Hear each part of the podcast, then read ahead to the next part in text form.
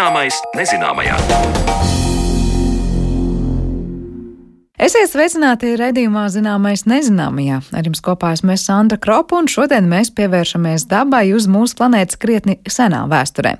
Sēnes ir visur, tās ir bijušas šeit vēl pirms planētas sauszemes teritorijas klāja augājas, taču cik senas tās ir, cik lielas ir bijušas sēnes sēņu laikā, kad uz planētas viss bija gigantiskos izmēros, un kāpēc sēņu vēsture ar vienu ir noslēpums paleontologiem. Par to tad mēs runāsim šodien raidījuma gaitā, taču pirms pievēršamies sēnēm senatnē ieklausīsimies stāstā par kādu negluži sēni, negluži dzīvnieku, proti neparastu organismu dabā. Viens no kārtējiem dabas mākslas darbiem ir gļocēnis dažādās formās un krāsās. Organisms, kas nav ne sēne, ne dzīvnieks. Ar katru gadu atklāja arvien vairāk gļocēņu sugu un arvien vairāk arī parādās šo organismu pētnieku. Vairāk par šiem neparastajiem dabas veidojumiem interesējās mana kolēģe Zana Lāca Baltalksne.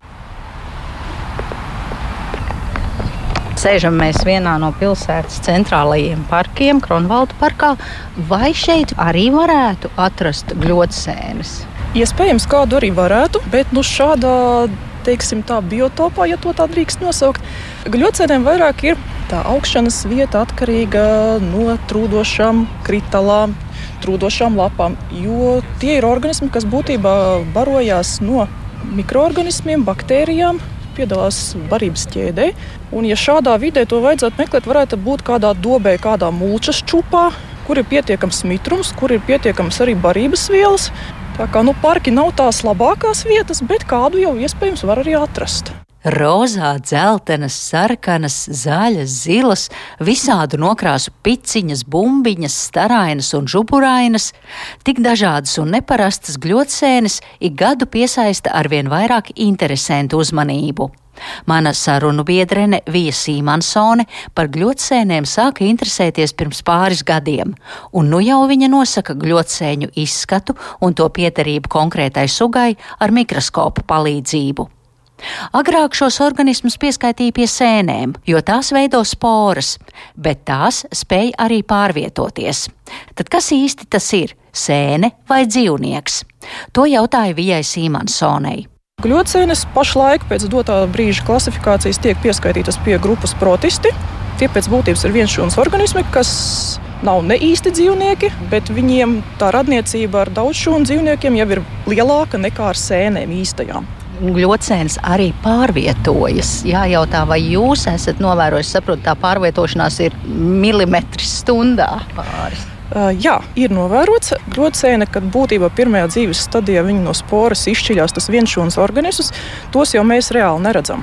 Tie dzīvo substrātā augsnē, barojās, aug, pārvietojas. Nu, kā jau varbūt tas katrs no skolas atcerās to skolas bioloģijas amēbu pieminēto, kaut kas no tās sērijas.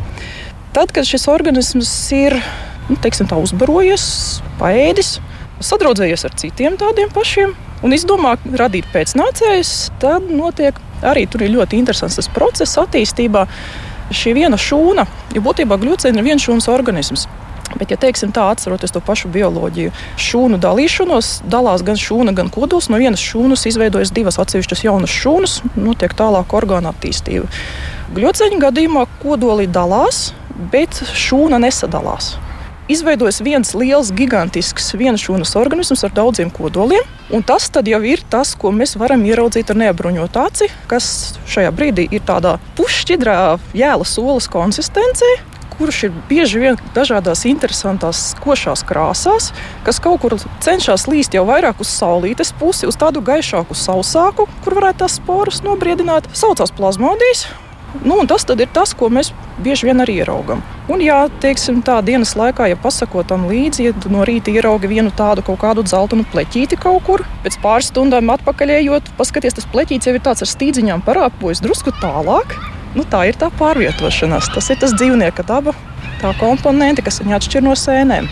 Cik tālu un līdz kādai stadijai tā gļotsēna pārvietojas? Apstājas tad, kad viņi atraduši savu labāko vietu, kur viņi izdomājas, nu tad šitien es noparkošos, tā teikt, un veidošu sporus. Tad tā konsistence nobriestot paliek cieta, veidojas pulveris, sporus iekšā, tad viņa vairs nekustās, tad viņa ir palikusi tajā vietā. Bet kam ir plazmodijs, kamēr tas vēl ir spējīgs baroties, pārvietoties, meklēt to, izlīst laukā no šķirbiņas, nosēsties kaut kur saulītē, tikmēr ir tā pārvietošanās. Nu, protams, tas nav metros, tas ir centimetros, bet pa kritalu var aizrāpot kādu gabaliņu. Jā. Es saprotu, ka jūs arī tās sēņu sugas nosakāt mikroskopējot. Kā tas notiek? Ir sugas, ko var saprast uzreiz, bet lielākā daļa tiešām, jo viņas ir sīkas pāris milimetri, Un, ja tu redzi vienkārši kātiņš ar kaut kādu pelēcīgu bumbiņu, nu, viņas ir daudzas tādas pelēcīgas bumbiņas. Tad, attiecīgi, skatās tālāk jau tās mikroskopiskās pazīmes, sporu izmērs, sporu krāsa, sporu kaut kāds raksts, vai viņas ir kārpainas, vai viņas ir tīklotas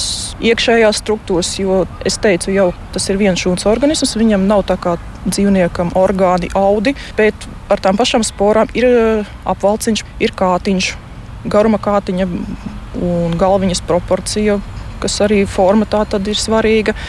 Iekšējās struktūras, kas tas sporas satur kopā, ne tikai tas apvalciņš, bet arī kapilīcijas, elateras, kas nu kurai grupai ir, kas veido tos pavadienus iekšā, to karkasu, jeb skeletu iekšējo, kalcija uzkrājumi, kristāli pat.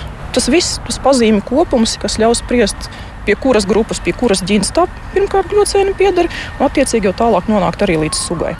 Pasaulē ir atklāts vairāk kā 900 gļocēņu sugu. Viena no zināmākajām gļocēņu popularizētājām Latvijā ir Jūlita Kluša, kura pirms diviem gadiem Latvijas televīzijas sižetā stāstīja, ka pie mums ir zināmas 160 sugas. Pateicoties interesē par šiem organismiem, ir pieaudzis jaunatklāto sugu skaits. Vija Sīmansona teica, ka nu jau ir zināmas 196 sugas. Turpinu iztaujāt viju par gļotsēņu pētīšanu. Lai noteiktu vai izpētītu kādu sēni, vai jūs ņemat to paraugu, vai jūs vienkārši nofotografējat un pēc tam mājās to attēlu skatāties? Kā? Nu, pirmais ir nofotografēt. Svarīgs arī substrāts, uz kā viņa aug, tā kopējā vieta, kas tur vispār notiek. Vai tā ir slapja vieta, vai tā ir sausa, vai tā ir uz koksne, lapas, kaut kādas tāda veida nobirs. Tas ir būtiski arī noteikšanai. Tiek ievākts paraudziņš, neliels gabaliņš un tas tiek tālāk mājās pētīts. Jūs esat par godu šai intervijai sagatavojusi arī paraugus. Es skatos mazākas par sērkociņu kārbiņām, baltas papīra kastītes, un tur ir datums, jūsu vārds un kaut kas latīņu valodā, vai tas ne? Ir, tas ne. ir nosaukums, cik nu tālu viņš ir zināms, vai nu pilnais nosaukums, vai tikai ģiņas nosaukums. Datums šis ir attiecīgi atzīmēts, kurā brīdī ir ieziņots dabas datos, jo dabas datos paliek arī novērojams ar konkrētām koordinātām, jau ar aprakstu, substrāts, biotops un tā tālāk. Tā. tā ir viena no trījiem. Ļoti skaistā spožu stadijā, koši, koši, dzeltena oranža. Šī ir kāda no tām blīvi augošajām bez kātiņa. Iespējams, nelīdzenā trījie, trījie skabra, bet nu, tas būtu pēc sporām vēl jāpārbauda, jo tur pāris līdzīgas sugas. Skatos uz koka mīsas, tā kā nu, tāds sīks, sīks, smalks, smalks iedzeltens porlons. Krāsa ir koša, redzēt, var jau pa gabalu. Šī ir no tām viegli atrodamajām sugām. Vija arī atver klēpjdatoru un rāda man košus attēlus ar gļotsēni, kura izskatās kā zilganas ogas dzeltenos kātos. Pateicoties šim izskatam, gļotsēne ir tikusi pie nosaukuma vīnokķekaru Bathāmija. Sākotnējais latviskais nosaukums bija spīdīgā pūšļa Bathāmija. Tad kāds uh, Facebook grupā gļotsēņa apbrīnotajiem pētniekiem bija ielicis tādu postu līdzīgu, un kāds bija nokomentējis, nu, cik skaisti vīnogu ķekari. Nu, tā tas nosaukums arī radās. Bet tad jūs to zinātniskos nosaukumus tie jau eksistē. Jā, protams, Jā, protams bet... latīniski nosaukumi oficiāli, bet nu, kam var, tam tiek izdomāti arī latviešu nosaukumi. Reizēm nosauc kaut kā ģīns ceroteomiksa, kuru mēs saucam par ragainītēm. Tā ir latviešu nosaukuma. Nu, šajā gadījumā Bathāmija ir palikusi kā Bathāmija, jo arī tas ir diezgan labskanīgs nosaukums. Nedomāju kaut ko tādu pavisam savādāku. Bet jā, tas epitets sugas, kas ir raksturojušais nu, šajā gadījumā ar vīnogu ķekaru. Kas jūs interesi izraisīja? Es saprotu, ka ir vairāk tādi gļotsēņotāji, bet jums nevienam nav biologa izglītība. Nē, mēs esam pilnīgi tādi. Nu, tiešām tādi, kas dabā gājuši, pamanījuši, kaut kas ir iepaticies, un tas fascinē. Tas gļocēnis fascinē. Viņas ir skaistas, viņas ir interesantas. Un, ja tev izdodas pamanīt kaut ko tādu, ko cits varbūt tas ir pagājis garām un nav ieraudzījis, nu, tas arī ir gandarījums savā ziņā. kā pa šiem pēdējiem gadiem ir audzis gļotsēņu pētnieku skaits? Vai jums ir kāda biedrība vai grupa, un cik tur katru gadu pienāk klāt jauni interesanti? Facebookā ir grupa gļotsēņu pētniekiem un apbrīnotājiem. Ja šobrīd mēs tur esam mazliet pāri 500. Grupa ir dibināta apmēram pirms pusotra gada. Tie, kas tā vairāk ar to nodarbojas, mēs neesam daudz. Tāda sauņa esam. Kas jau tā padziļināti un, un jā, jā, kā, kam ir mikroskopi, kas kaut ko paši jau mēģina saprast. Bet ir cilvēki, jā, kas atrod, kas izziņo kaut ko interesantu, aizsūta paraudziņu. Daudz tādu arī, kam ir tās jaunās atklātās sugas tādā veidā.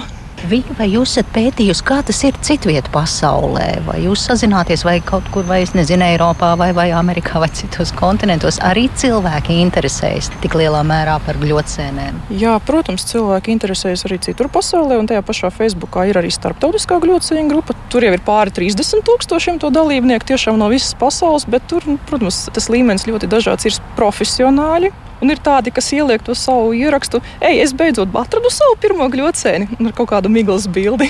nu, arī tādā veidā.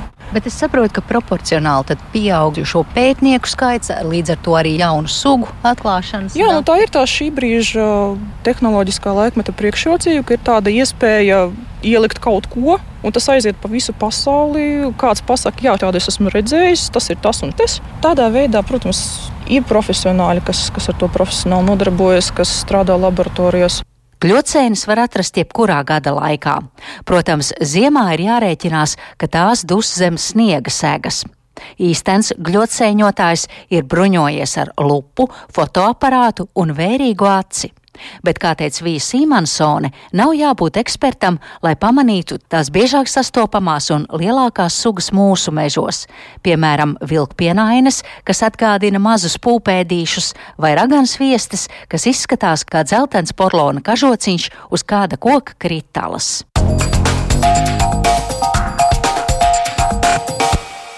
Dzirdējām stāstu par gļocēnēm no mūsu arhīvu krājuma, bet raidījuma turpinājumā mēs runāsim par sēnēm ļoti senā pagātnē.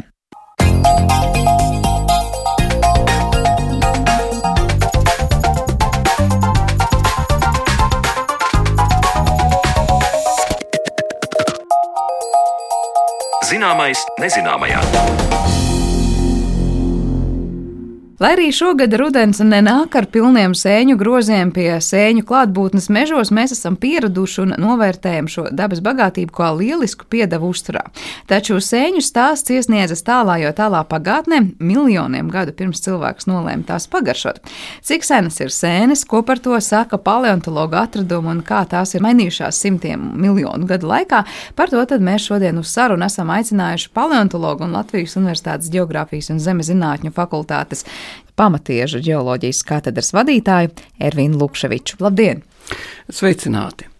Nu, laikam šobrīd, jā, mēs ieejot mežā, esam ieraduši redzēt tādas salīdzinoši mazas sēnes. Varbūt nu, lielākās rekordists ir tāds plauksta lieluma, varbūt, vai, vai varbūt, nezinu, dažas baravikas. Vai tiesa, ka saulēk uz mūsu planētas ir bijušas tādas nu, rīktīgi milzīgas sēnes, ja tā var teikt? Ir bijuši tādi laiki no Ordovika apmēram sākot pirms 450 miljoniem gadu līdz pat vēlā Devona vidum, aptuveni līdz 370 miljoniem gadu. Pirms mēs te sēžam, ir augušas milzīgas sēnes, eh, kam dots nosaukums prototaksites. Eh, it kā norāda uz kādu seno cipresei līdzīgu augu, jo sākotnēji šīs atliekas piedēvēja augiem, bet patiesībā noskaidrojās, ka tā ir visdrīzāk vai nu sēne, vai arī varētu būt milzīgs ķērpis. Runājot par apmēriem, diametrā varēja sasniegt apmēram metru, un lielākās nu, varētu būt pat ap 8 metri augstumā tas augļu ķermenis, tā saucamais. Tas nozīmē astoņmetrīga augstumā un metrs diametrā vēl tāda tā sēne. Tāda kā kolonna, milzīga. Kolona, jā. Jā.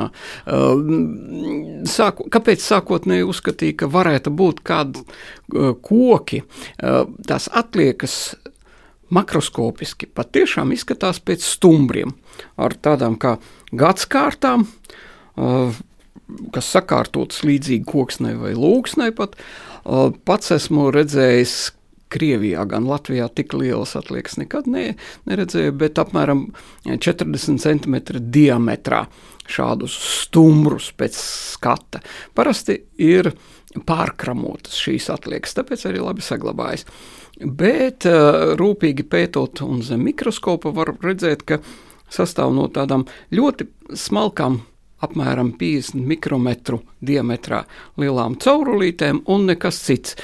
Pēc uh, uzbūves atgādina mūsdienu sēnes, uh, kuras dēvē tādā latīniskā uh, nosaukumā. Uh, glomeromicēti, bet es īsti latviešu nosaukumu nepazīstu. Bet nu, katrā ziņā nebūtu tā, ka tādas sēnes, kādas ir bijušas tās astoņmetrīgās vai tur vēl, nu, jebkurā gadījumā lielākas, uzbūves ziņā līdzinās tām, kas ir šobrīd mazāka izmēra, mums pat mežos atrodams.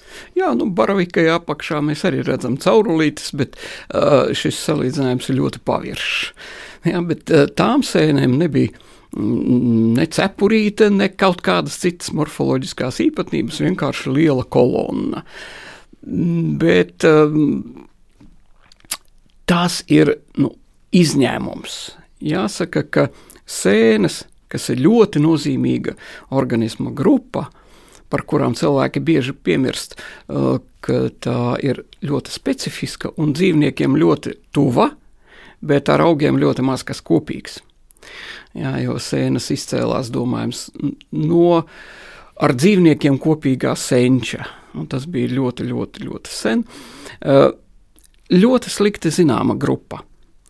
Tādā ziņā Žēl, mums ir maz datu, maz, maz faktu vai maz liela noslēpuma. Jāsaka. Ja paskatāmies uz dzīvniekiem, tad tagad aprakstīto sugu skaits tuvojas miljonam. Augu daudzveidība arī samērā liela, bet kopumā nu, es neesmu mikologs, līdz ar to uh, Varbūt vajadzētu pajautāt kādam mikologam no dabas muzeja, piemēram, bet pašlaik viņi laikam aizņemti ar gatavošanu sēņu izstādē, neskatoties uz to, ka redzamo sēņu mežā gandrīz nav. Tad ir aprakstīts apmēram ap simt tūkstošiem sēņu sugu un tikai apmēram 500 fosilās. Tad ļoti slikti zināma grupa. Nodrošina uh, dabā nodrošina dažādu organisko vielu sabrukšanu. Var teikt, tādi kārtīgi sēknieki, jā, tādi uzkopēji. Jā, varētu teikt, kompostētāji arī tā varētu teikt, palīdz augiem ar barību, ar ūdeni un ar signālu nodošanu, jo sēņotne ļoti labi savieno daudzus koku eksemplārus. Cilvēks nodrošina ar alu, ar maizi un daudz ko citu interesantu un uh, svarīgu, bet uh, to geoloģiskā vēsture faktiski ir miglātīta. Nu, salīdziniet apmēram 500 aprakstītās uh, sēņu sugas ar apmēram 300 tikai Devonā zināmajām Latvijā sastopamajām Devona zivīm. Ja mēs runājam par to, kas ir saglabājies, un tas jau vien ir prātam neaptveram, ka paleontologam ir iespēja skatoties uz kaut ko teikt, ka tā ir sēne, pie tam vēl vairākus simtus miljonu sena, gadu sena. Kas ir tas, kas ir paleontologa rīcībā, un kā tas izskatās, un kā to nesajaukt ar kaut ko citu?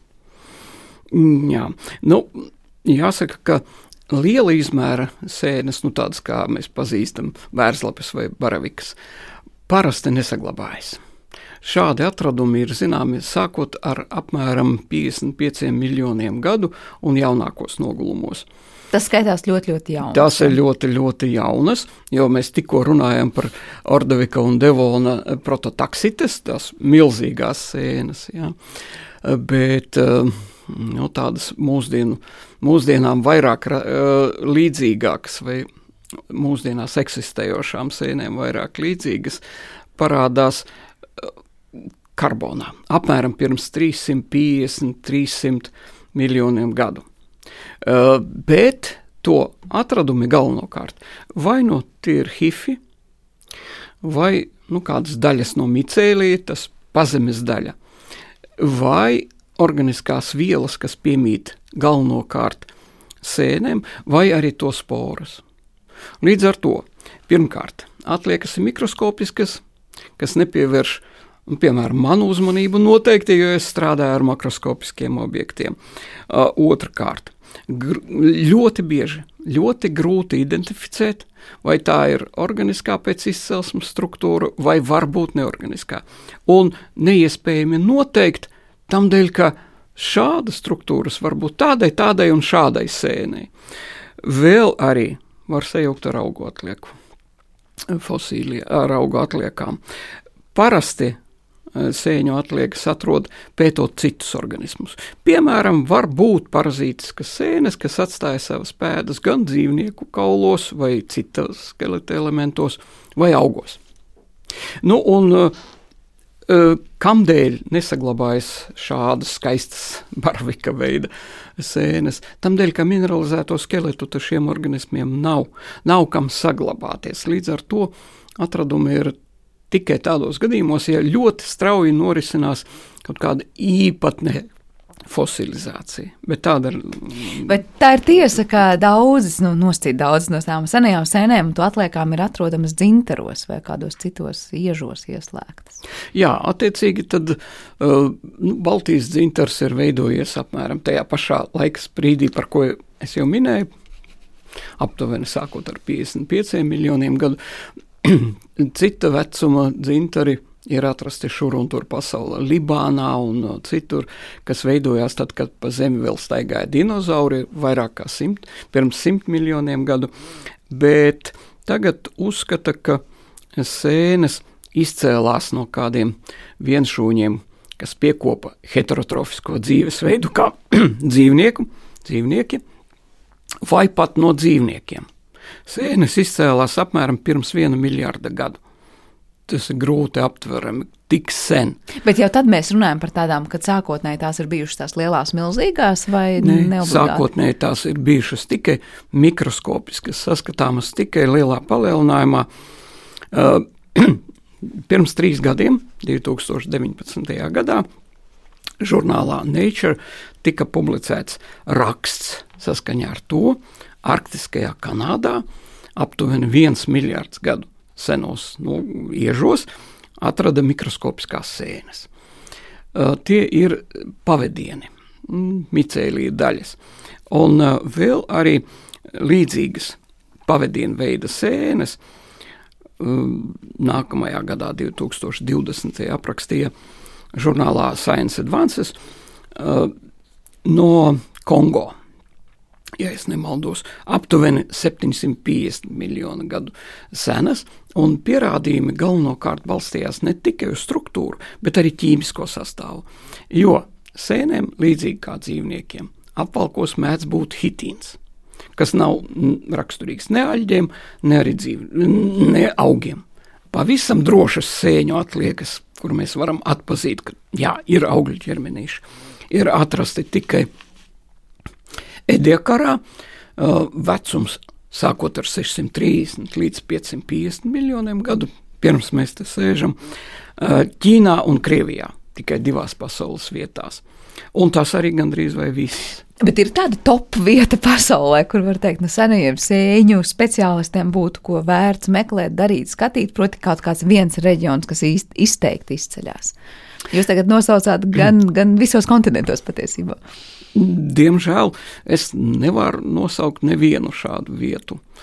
Sākot tāda... ar karbonu, tā, tas ir mainījies. Tur, kur ir ogles, tur var teorētiski meklēt arī sēņu atliekas, bet uh, citos gadījumos un citu vecuma iežos uh, tie ir sporādiski ļoti reti atradumi, un uh, nav nekādas likumsakarības šajā ziņā, diemžēl. Par evolūciju runājot, gribēju jums pavaicāt. Uh, Apgalvojums tāds izskanējis, ka sēnes uh, palīdzēja augiem no ūdensvidas pārkāpt uz sauszemi. Vai tā ir tiesa un kāda ir tā nozīme sēņu vispār tajā evolūcijas kopējā, kopējā, kopējā ainavā? Kas kurā brīdī par ko pārtapa un kur sāka dzīvot, un kāpēc sēnes ir vai nav spēlējušas to nozīmīgo lomu? Nu, jāsaka, visi šie atradumi, par kuriem tikko minēju, sākot ar vienu miljardu gadu un pat līdz Edija kara beigām, ir no nogulumiem, kas veidojās ūdenī. Un uh, dati par sēņu uh, sporām liecina to pašu, jo šīs sporas bija ar um, ar kustības organellām, tātad kustīgas. Nu, tas ir iespējams tikai ūdens vidē. Uzskata, ka sēnes sākotnēji gan izcēlās, gan dzīvoja tikai ūdenī, un tā tas turpinājās līdz pat silūram. Pirms apmēram 420-430 miljonu gadu proporcijas starp sauszemes un ūdens sēnēm sāk mainīties. Bet tātad līdz silūram, ieskaitot pārsvarā sēnes dzīvoja ūdenī. Tas ir ļoti neparasti. Ne? Mēs esam paraduši domāt, ka sēnes ir ekskluzīvi tikai, tikai sauszemē. Bet uh, sēnes sāk pielāgoties dzīvei sauszemē jau Kembrijā. Un tas ir pirms apmēram 530 miljoniem gadu, varbūt pat nedaudz senāk. Uh, vai nu apvienojot savas pūles sauszemes apgūšanā ar cianbaktērijām, un tā izcēlās ķērpji, un joprojām sēnes kopā ar baktērijām veido šos ļoti interesantus organismus, ķērpjus. Tagad ķērpi jau nevar sadalīt atpakaļ sēnē, un cianbaktērijā mm, abas nomirs, bet uh, Kembrijā iespējams tas bija savādāk.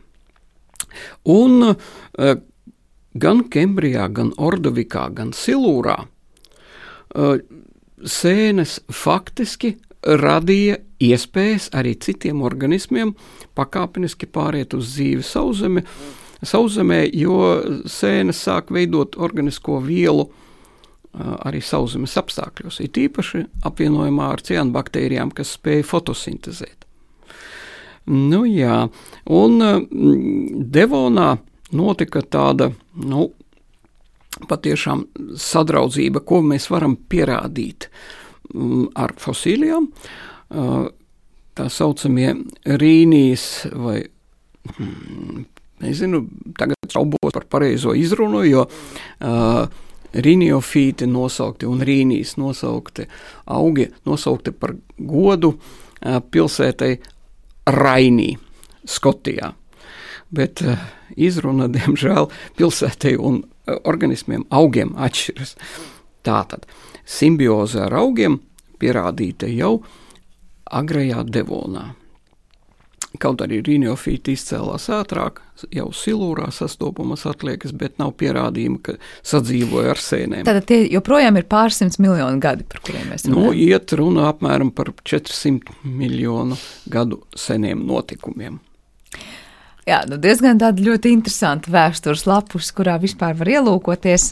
Jautājums par vēl to sēņu izskatu un izmēru vienmēr liekas, nu, jo lielāks organisms, jo varbūt tā, tam ir grūtāk atrast sevi barības vielas un izdzīvot un kā citādi. Un proti, patērēt vairāk vajag pūles pielikt, lai izdzīvotu. Kā ir ar tām lielajām sēnēm, kāpēc tām bija izdevīgi būt tik lielām tajos senajos, vecajos laikos, kad jūs runājat par tām astoņmetrīgām pat kolonnām? Par to var tikai uh, spekulēt, kā saka, jo manā skatījumā sēnei sasniegt šādas izmēras būtu praktiski neiespējami. Tāpēc es personīgi, nebūdams ne mikologs, ne paleomikologs, atbalstu tomēr viedokli, ka visdrīzāk tie ir bijuši ķērpji. Bet pat neatkarīgi no tā, vai tīrā sēne vai ķērpis.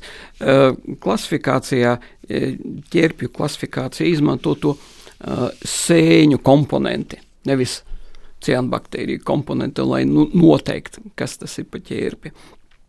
Nu, un lūk, ķērpim salīdzinot ar sēni ir priekšrocības, jo daļa no organisma fotosintezē. Līdz ar to ķērpi mēdz augt uh, uz sienām, uz pieminekļiem, kā mēs zinām, uz granītiska vai cita sastāva lieliem laukakmeņiem, tundras apstākļos, kur nu, ļoti grūti izdzīvot. Tomēr ķērpi mīt un nu, daž, dažkārt dažās vietās varētu būt pat, var pateikt, ļoti labi jūtas. Ļoti lēnām pieaudzē biomasu, bet tas ir iespējams. Uh, Turklāt vēl jāņem vērā tas, ka sauszemē, gan Ordovikā, gan Silūrā, un ieskaitot pat Devona pirmo daļu, ir bijusi ļoti maz apdzīvota. Dzīvnieki sāka apdzīvot sauszemi, kā mēs zinām, apmēram Ordovikā, bet tikai dažas grupas. Silūrā jau vairākas, nu, un Devonā pievienojās vēl augi. Nu, un līdz ar to acīm redzot, nu, jau darīja galu milzu sēņu dominancija, jo, kā mēs jau iepriekš minējām, tad vēlā Devona sākumā vēl bija šādas milzu sēnes, un tad diezgan krasi izmirst. Un tas sakrīt ar to, ka geoloģiskajā kronikā, ja paleontoloģiskajā kronikā parādās lieli koki. Lieli ar diametru sākumā 10 līdz 15 cm. Bet tas ļoti labi sakrīt. Ja, pēdējās sēnes nu, Latvijā mm, to atliekas var atrast sietiņu svītā, visbiežāk arī gaujas svītā. Nu, vecums aptuveni 380, 382 miljoni gadu. Un tajā pašā laikā sāk parādīties pirmie lielie augi. Lodes svītā, kas ir veidojusies tajā pašā laikā kā gaujas svīta, tikai sastāv no māliem pārsvarā, atrodamas jau ap arheopteriksam. Uh, arheopterisiem līdzīgi augi. Tas ir to, kas? Uh, kas, uh, kas ir pirmkailsēkļi, sporaugi, radniecīgi papardēm, bet ar koksni, kas līdzīga kailsēkļiem. Vairojās ar sporām, kā pārējie sporaugi, tā kā papardes vai um, kaut vai um, kādi citi sporaugi, bet uh, ar diametru, stumbra diametru ap 15 cm. Tad sanāk, ka tās senās sēnes kaut kādā brīdī ir izkonkurējuši jaunie pirmie, pirmie koki, tā varētu teikt? Zināmā mērā, zināmā mērā ir, ir pamats tā uzskatīt. Kāpēc citādi, kāpēc citādi varēja norisināties šādas pārmaiņas, kāpēc viena grupa uh, pēkšņi izzuda. No acīm redzami, um, ķērpiem tomēr ir liela augšana, bet ļoti lēna. Jā, ķermenis lēnām pieaug, un acīm redzot, varētu būt, ka lielie koki noēnojot vai kā citādi strauji, pie, straujāk pieaugot lielumā, varētu veicināt to lielo milzu sēņu iz, izzušanu. Bet kāpēc nepieņemt, ka mazāka izmēra sēnes tomēr arī tajā laikā zēla un plauka. Tikai nelaime tā, ka mēs neatrodam, jo nekas nesaglabājās. Gan jau, ka tā daudzveidība ir bijusi pietiekoši liela un, un, un, un ievērojama. Vienkārši tiešām, kā jūs sakāt, ir diezgan grūti līdz mūsdienām saglabāties. Bet uh, es nezinu, cik daudz ir zināms, vai kādas ir hipotēzes par to, kā sēnēm veicās ar to, ka nu, planētā te ir visādi gājis vai ne augu ir uh, parādījušies un sugas ir izmirušas un atkal parādījušās parādījušās un izmirušas, vai sēņu pasaulē, es nezinu, ir kaut kāda tāda viļņa redzami, ka kaut kas iet bojā un tad sāk veidoties no jauna, vai ir kaut kādas sēnes, kas ir nu, tādas kārtīgas ilgdzīvotājs, un var teikt, evolūcijas gaitā ir ilgi, ilgi, ilgi ka par kaut ko pārtapušas vai jaunas citas sugu paveidus radījušas aiz sevis. Eh, diemžēl ar 500 sugu kroniku nepietiek, lai varētu tā detalizētāk skatīt šo jautājumu ļoti gribētos. Bet pagaidām man liekas, ka paleomikologiem vēl ir ļoti daudz darāmā priekšā.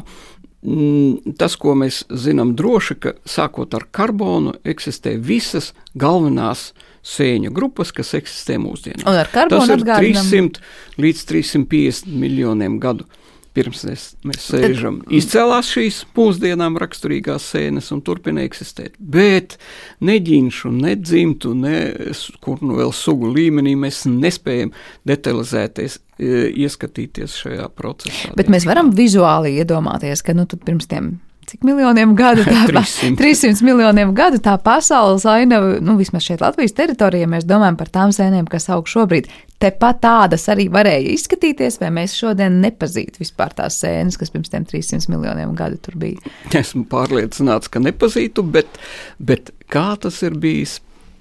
Latvijā vispār nekādu pierādījumu nav.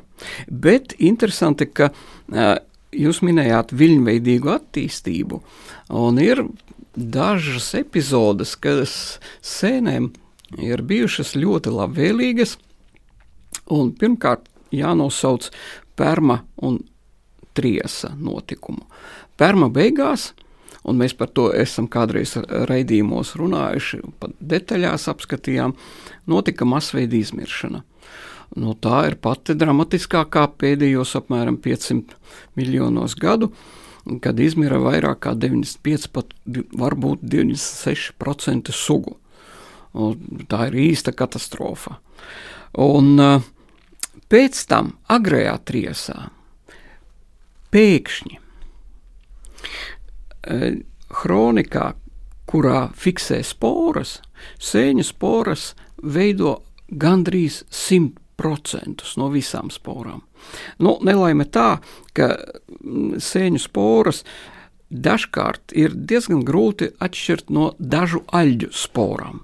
Bet, ja runa iet par sauszemes apstākļiem, tad mēs esam gandrīz vai pilnībā pārliecināti, ka tās ir sēņu, nevis aļģu sporas, jo aļģes eksistē ūdens vidē.